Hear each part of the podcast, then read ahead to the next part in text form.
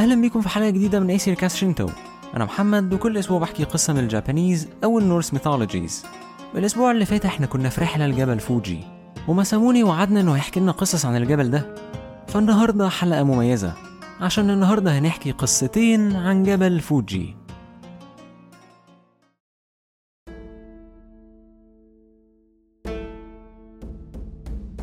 أنت ومساموني كنتوا واقفين قدام جبل. الجبل ده كان ضخم جدا بس دي ما كانتش حاجة مميزة الأرض مليانة جبال ضخمة بس الجبل ده ما كانش عادي هو كان فيه حاجة غريبة حاجة الواحد مش عارف يوصفها فأنت بتسأل مساموني معقولة حاجة بالجمال ده كله تتكون لوحدها؟ مساموني بيضحك وبيقولك إن الجبل هيفرح جدا بالكلام اللي أنت قلته ده أنت بتستغرب هو الجبل بيسمع؟ بس قبل ما تلحق تقول أي حاجة مساموني بيبدأ يحكي قصة.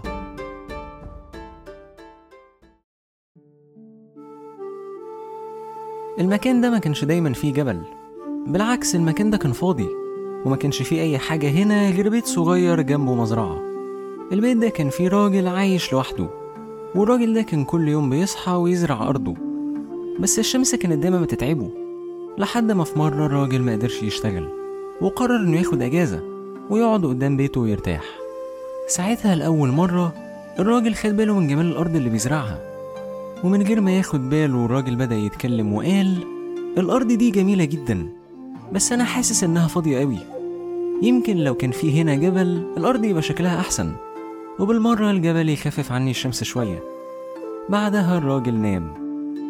كل حاجة في اليابان ليها روح حتى الأرض. والأرض سمعت الراجل.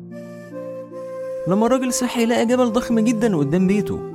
الراجل فرح وقعد فترة يشتغل لحد ما في يوم قرر إنه يرتاح كمان مرة. الراجل فضل باصص على الجبل. بعدها اتكلم وقال إن الجبل ده ساعده وحماه من الشمس بس للأسف دلوقتي الجبل هو اللي الشمس هتتعبه. يمكن لو الجبل ده لبس حاجة على راسه الشمس مش هتضايقه. بعدها الراجل نام. لما الراجل صحي لقى إن قمة الجبل مليانة تلج. كأنه لافف راسه بحاجة تحميه من الشمس. ساعتها الراجل بدأ يتكلم وقال خسارة. الجبل ده أجمل حاجة أنا شفتها في حياتي. بس للأسف هو عمره ما هيشوف جماله لأن مفيش مراية ممكن تكون في حجمه. بعدها الراجل اشتغل لحد ما تعب ونام. لما الراجل صحي لقى بحيرة ضخمة جدا قدام الجبل. وفي البحيرة دي الجبل قدر يشوف صورته وعرف قد إيه هو جميل.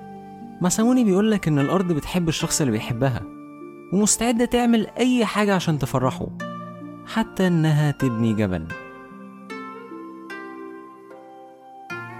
كلام مساموني بيخليك تبص على الجبل تاني.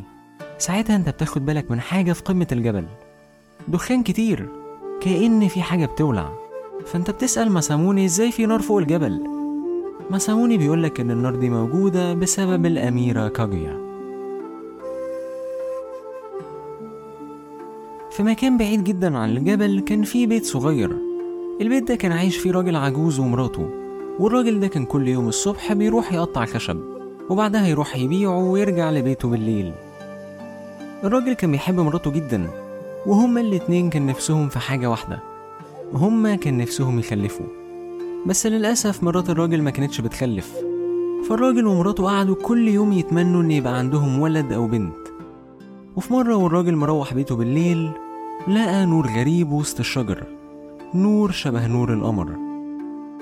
الراجل قرب عشان يشوف النور جاي منين ولما قرب شاف إن النور جاي من طفلة صغيرة. فالراجل شال البنت ورجع بيها لبيته.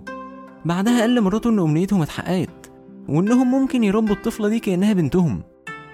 مرات الراجل وافقت وسموا البنت كاجويا. الراجل كان فقير. فهو ومراته حرموا نفسهم من حاجات كتير عشان يفرحوا كاجويا لحد ما كاجويا كبرت وبقت بنت جميلة جدا. عينيها كانت رمادي وشعرها كان أسود ووشها كان بينور كأنك باصص على القمر. مع الوقت الناس سمعت عن جمال كاجويا وبدأ يتقدم لها عرسان. وكل واحد كان بيتقدم لكاجويا كان بيدي باباها فلوس وهدايا. لحد ما البيت الصغير اللي كاجويا اتربت فيه بقى قصر. والراجل العجوز ومراته بقوا أغنياء جدا. بس حتى بعد كل الهدايا دي كاجويا رفضت كل عريس يتقدم لها. فالناس بدأت تتكلم عنها أكتر لحد ما كلام الناس وصل للإمبراطور. الإمبراطور كان نفسه يتجوز ولما عرف إن أجمل بنت في اليابان رفضت كل عريس يتقدم لها قرر إنه هيروح ويتقدم لها بنفسه. كاجيا كانت متعودة إن أي حد بترفضه بيزهق ويمشي بس لما رفضت الإمبراطور مزهقش وقال لها تديله فرصة وتسيبه يقابلها كمان مرة قبل ما يرجع لقصره. فكاجويا وافقت. الإمبراطور كان طيب ومتواضع ودايما كان محترم في تعامله مع كاجويا. بس حتى بعد تاني مقابلة كاجويا رفضته. بس الإمبراطور ما استسلمش وقال لها إنه مع أقرب فرصة هيرجع يزورها تاني. بعد فترة الإمبراطور جاله جواب. الجواب ده كان من بابا كاجويا. بابا كاجويا كان بيقوله إنه لازم يجي بسرعة لأن كاجويا قالت إنها ماشية وإن أهلها الحقيقيين نزلوا من القمر وزاروها. هما بقالهم سنين بيدوروا عليها وأخيرا عرفوا يلاقوها وإنهم إدوها إكسير الحياة وقالوا لها تشرب وتيجي معاهم. بس كاجويا قالت لهم يستنوا أسبوع عشان تلحق تودع الناس اللي بتحبها. أول ما الإمبراطور عرف كده رجع بسرعة لبيت كاجويا يمكن هو يقدر يقنع أهلها إنهم يسيبوها على الأرض. الوقت اللي كاجويا طلبته خلص ومن القمر نزل ناس كلهم بينوروا زي كاجويا. ولما الإمبراطور وبابا كاجويا شافوا الناس دي خافوا ما قدروش يتحركوا. كاجويا حضنت باباها ومامتها وشكرتهم على كل حاجة هم قدموها لها. بعدها قالت لهم إنها أسفة بس هي مكانها مش على الأرض ولازم تروح مع أهلها. بس قبل ما تمشي إدت لباباها علبة وقالت له يديها للإمبراطور. بعدها أهل كاجويا خدوها معاهم وبدأوا يطيروا ناحية القمر.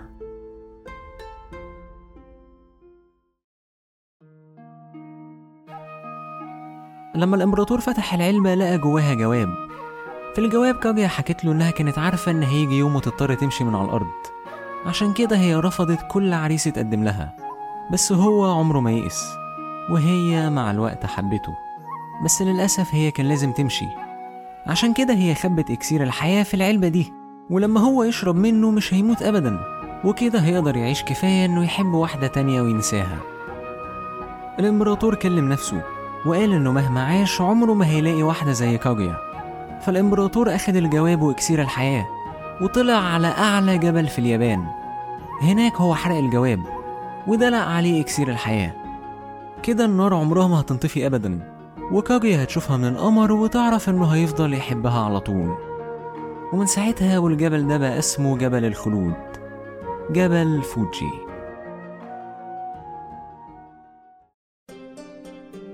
شكرا إنكم سمعتوا Aesir Cast Shinto لو عندكم أي comment أو feedback أنا كده أحب إن أسمعه. ممكن تسيبوا review على Apple Podcasts أو comment على ال Facebook page Aesir Shinto هي واحدة من بودكاست Ansuz Ansuz هي مجموعة من البودكاست اللي أنا بحكي فيها قصص. لو حابب تسمع حلقات زيادة تسمع الحلقات بدري عن ميعادها أو تساعدني نعمل بودكاست أكتر ممكن تدعمني عن طريق Patreon وهسيب ال link في ال show notes وأشوفكم الأسبوع الجاي في حلقة جديدة من Aesir Cast Shinto